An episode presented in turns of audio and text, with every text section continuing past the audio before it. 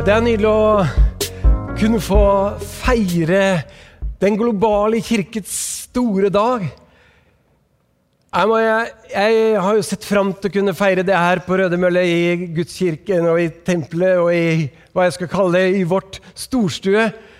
Men så ble det ikke i år. Jeg håper du har det greit der du er. Nå er jeg litt sånn, jeg er litt sånn at jeg liker litt feedback, og sånn, så jeg tenkte at dere kan trene når dere nå er hjemme og fraværende fra kirkerom. Så neste gang vi kommer sammen, forhåpentligvis ikke så altfor lenge, så håper jeg at du har trena på i feedback, så vi får sånn interaktiv gudstjeneste her. Det er ikke det at det er det vi er mest kjent for her i 316, men eh, nå kan dere trene. Og så møtes vi før eller siden, garantert, på ny gudstjeneste. Jeg kan huske at når jeg som barn satt i benkeraden i den kirken som jeg vokste opp i, så Spesielt uh, under første påskedag så sang vi denne salmen som lyder sånn Påskemorgen slukker sorgen, slukker sorgen til evig tid. Og jeg husker jeg sang den av entusiasme og med frimodighet og begeistring. Jeg var bare et barn. Jeg skjønte jo selvfølgelig ikke rekkevidden av det. Jeg vet ikke om jeg i dag heller forstår rekkevidden av det Jesus gjorde den gangen. Jeg skal ikke påberope meg å forstå mer i dag. Men jeg har båret med meg helt siden barnslig og helt siden mine barnedager den samme barnlige tilnærmingen og overbevisningen til Jesu oppstandelse. For meg så er det det som bekrefter hans og verifiserer hans guddommelighet. At han var og er fortsatt Guds sønn. Og jeg tror faktisk at hans liv, det han sa, det han gjorde, ble stemplet godkjent av Gud. Og det kan du og jeg dra nytte av den dag i dag. Dette lever vi på. Jeg tror når, Paul, når Johannes sier i eh, første kapittel at ingen har noen gang sett Gud. Men Jesus har vist oss hvem han er. Hans enbårne sønn har vist oss hvem han er. Så sånn som Jesus er, sånn er Gud. Jeg syns det er kjempeviktig å forstå utgaven av Gud, nemlig gjennom Jesus. Det er sånn Gud ønsker å forholde seg i forhold til oss. Påsken er jo kjernen i evangeliet. Og Det ville være veldig naturlig for meg, egentlig, og burde jeg ha gjort det kanskje, å forkynt om akkurat det som skjedde første påskedag, siden det er det vi feirer i millioner verden over i dag. Men jeg har noe jeg har lyst til å dele med deg. Jeg har lyst til å ta ett steg tilbake og være litt i forkant av påsken, fordi det er noe med hele den dramaturgien, på en måte, hele det dramaet i påske, som har så mange parallelle budskap. Ikke bare hans oppstandelse, selv om det er kjernen i det. Men det, det er flere parallelle budskap som Jesus eh, presiserer i løpet av den perioden rett før hans død, korsfestelse og oppstandelse. Og Jeg har lyst til å dele med deg en sånn type budskap, hvis vi kan kalle det det. Fordi jeg tror det er noe som kan treffe oss i hjertet spesifikt i disse tider. Jeg tror at det er mange som er urolige. Jeg tror det er mange som har opplevd dette her som et earthquake. Altså det, er, det er ganske hjerteskjærende innenfor denne epidemien. Bare, Ordet er jo i seg sjøl så, så ubehagelig å ta i sin munn.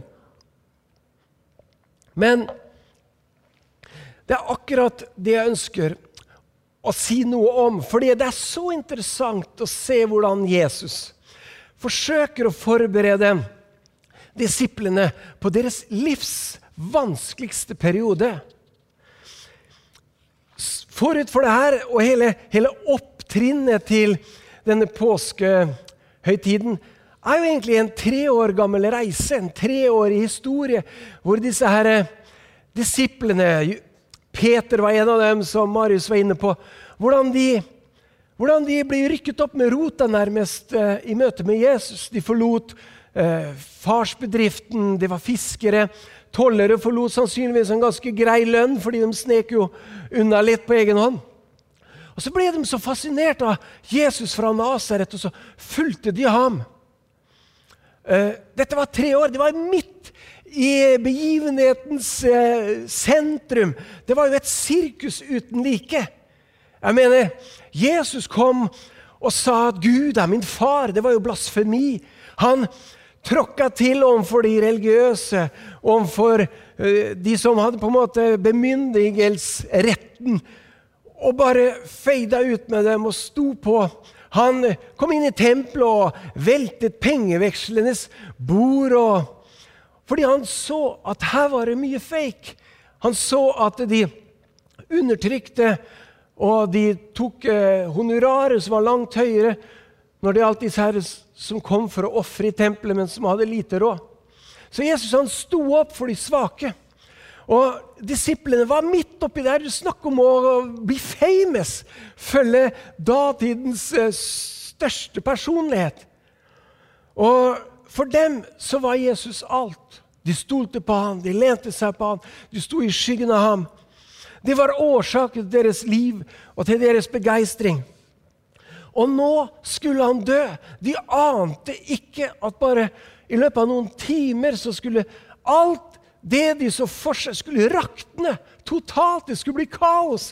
Ikke bare mellom øra, men de skulle, de skulle gjemme seg. De skulle frykte både det ene og det andre. Det skjønte de ikke, men Jesus forsøkte gang på gang å forberede dem på det vanskelige som skulle komme. Og han er ganske tydelig, Jesus.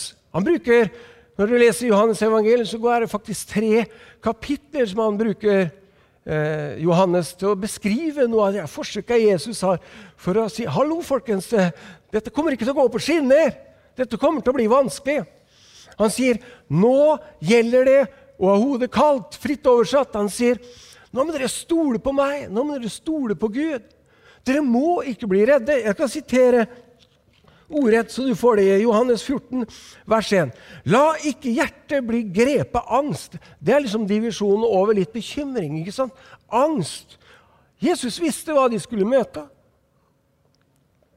Så han på en måte tråkka til for å få dem til å våkne og forstå. Hallo, det kommer noe som blir vanskelig så sier han 'tro på Gud og tro på meg'. Litt lenger ute i samme kapittel så bruker han et ord. Og det er det ordet jeg ønsker skal nå inn til deg denne dagen. Og Jeg vil du skal følge med. I vers 27 så sier Jesus til dem, 'Fred etterlater jeg dere. Min fred gir jeg dere. Ikke den fred som verden gir. Min fred. Ikke den som verden gir, men min fred. Hva er det Jesus forsøker å si? I min oppvekst og i den kirkelige settingen jeg var, så var dette ordet 'verden' ofte forbundet med noe skumt. Det gjaldt å være tydelig på å holde avstand til verden. Det var det verdslige. Ikke sant? Du skulle ikke involvere deg i hva som helst. Det var heller litt den definisjonen der at det var oss, og så var det dem skumle saker. Du kunne bli dratt bort fra troen. Du kunne miste livet i Gud. Så det var veldig viktig å ha sånne vanntette skott. Verden. Men det er jo ikke alltid, og kanskje heller i en sjelden målestokk, at når, når, ordet 'verden' blir referert i Bibelen, så har ikke nødvendigvis den dramatiske forestillingen eller den dramatiske hensikten. Her er det mye mer, I den settingen her så er det mye mer sånn at dette er livet. Det er benevnelsen på det livet du er lever. Verden. Det er, det er, din verden. Det er min verden. Det er den hverdagen som, som du lever. Det er mer sånn betydning i, den, i det verset her. Det er den familien du har blitt født inn i. Det er de vennene du fikk. Det er den jobben du valgte, den utdannelsen du tok. Det er den helsa du har. Det er de relasjonene du har skapt over tid. Og Jesus anerkjenner at denne verden har en type fred å gi. Jeg mener, jeg syns det er vakkert at Jesus anerkjenner at det går an å leve med hensikt, med tilfredshet, på bakgrunn av at dette her spiller medvind i ditt liv. Jeg mener Når du har jobb, fet jobb kanskje, du har en god familierelasjon, du har venner rundt deg Helsa er kanskje liksom eh, trumfkortet ditt. Det kan ikke akkurat jeg ta, dra på meg. Jeg er glad at vi filmer fra livet opp her, så pondusen ikke syns. Men hva da, når alt det der rakner? Hva da når krisa kommer? Hva da når jobben uteblir, og du blir permittert, og familiebedriften er i ferd med å gå konkurs? Finnes det fred da? Det er jo det Jesus snakker om. At det finnes en dimensjon som går litt lengre enn bare når livet har medvind. Er det virkelig mulig å oppleve seg ivaretatt på innsiden? Er det virkelig mulig å ha en type innvendig omsorg som ikke kommer ifra det du har klart å stable på bena fordi du er vellykket, men fordi det fins en guddommelig linje fra himmelen inn i ditt liv? Jeg er overbevist om at det var nettopp det Jesus forsøkte å si til sine disipler denne dagen. Min fred gir jeg dere. Den går utover det livet generelt har å gi, selv på sitt beste. Apostelen Paulus han skriver til sine venner i Rom, og dere skal høre. Enten vi lever eller dør, så hører vi Herren til. Wow, jeg tenker det er litt sånn overfladisk, litt sånn likegyldig. Hello. Enten vi lever eller dør, hører vi Herren til. Litt sånn nonsjalant innstilling til livet er Paulus inn på litt sånn skjebnetro. Det som skjer, det skjer. Vi tar det som kommer. Langt derifra. For en fyr med tanke på å vite hvorfor han levde. Paulus var så bevisst sitt livs hensikt. Så det dreier seg ikke om det. Men det egentlig Paulus sier gjennom de orda her, det er det her. Nemlig jeg har en indre ro. Indre ro som ikke nødvendigvis kommer ifra omstendighetene. Han satt ofte i fengsel. Han ble torturert. Han, han, han hadde det vanskelig. Han led skipbrudd. Han møtte masse problemer. Han sier et sted at Wow! Hadde det ikke vært for at noen berga oss, så tror jeg ikke jeg hadde overlevd. I et av sine brever til sine venner i Filippi så sier han Vær ikke bekymret for noe, men legg alt det dere har på hjertet Jeg syns det er ganske vakkert uttrykket. Legg alt det dere har på hjertet. Det er jo et billedspråk, men du skjønner hva han snakker om. Alt det du går og tenker på, det som popper opp. Det som kanskje forstyrrer litt hverdagen din, og som kanskje gjør deg bekymra. Legg alt det du har på hjertet, framfor Gud. Og Guds fred, der kommer det igjen, som overgår all forstand.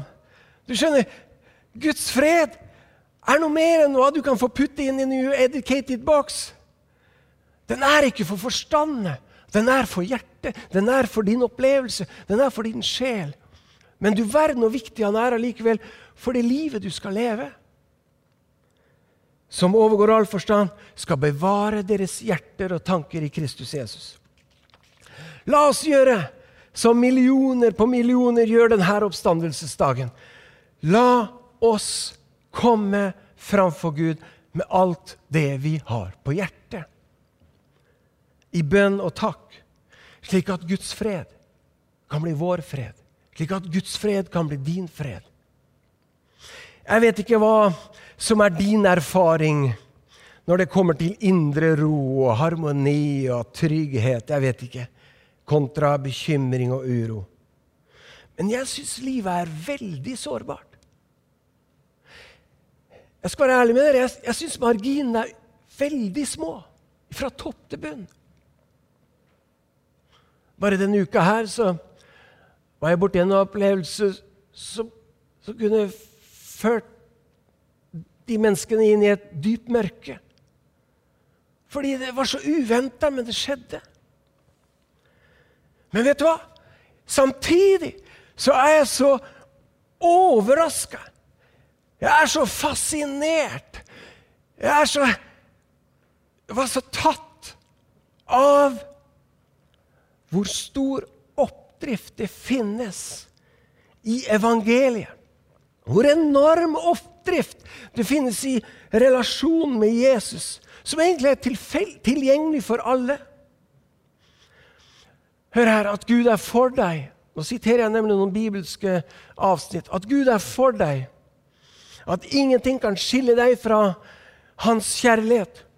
At du er elsket for alltid, som vi har tagga på veggen her ute på Røde Mølle. For at når du kjører ut av byen og innfartsåret, så skal du bli minna om dette statementet fra Gud selv, Han som er kjærlighet, at du er elsket for alltid. Det er ikke bare en fin kristen gimmick. Det er reelt. Det er til å leve på, og det er til og med til å dø på. Vi er alle bare én bekjennelse unna denne freden. Det er ingen prestasjon, men en invitasjon fra Jesus om å få det han vil gi, og som du ikke kan få noen annet sted, men bare hos Jesus. Derfor ønsker jeg at du skal ta imot Det er mulig du har gjort det allerede gjennom sangen her. og det du har vært med om. Ta imot denne Guds fred gjennom sang, gjennom bønn, gjennom forkynnelse, gjennom velsignelse her og nå. Takk, Herre Jesus, for at du elsker oss. Takk for at du har bevist gjennom generasjoner på generasjoner at du har betydd akkurat det som behøvdes der og da for de menneskene det gjaldt, som opplevde livet gå i ball. Som opplevde at noe uforutsett man ikke hadde kontroll på, feide inn over deres liv og satte dem ut av spill. Men du var der, Jesus. Og jeg vet at du er der nå, selv om menneskeheten per i dag opplever en vanskelig tid. Så finnes du, Gud. Og jeg ber om at alle åpner seg og tar imot og merker og opplever din fred. I Jesu Kristi navn. Amen.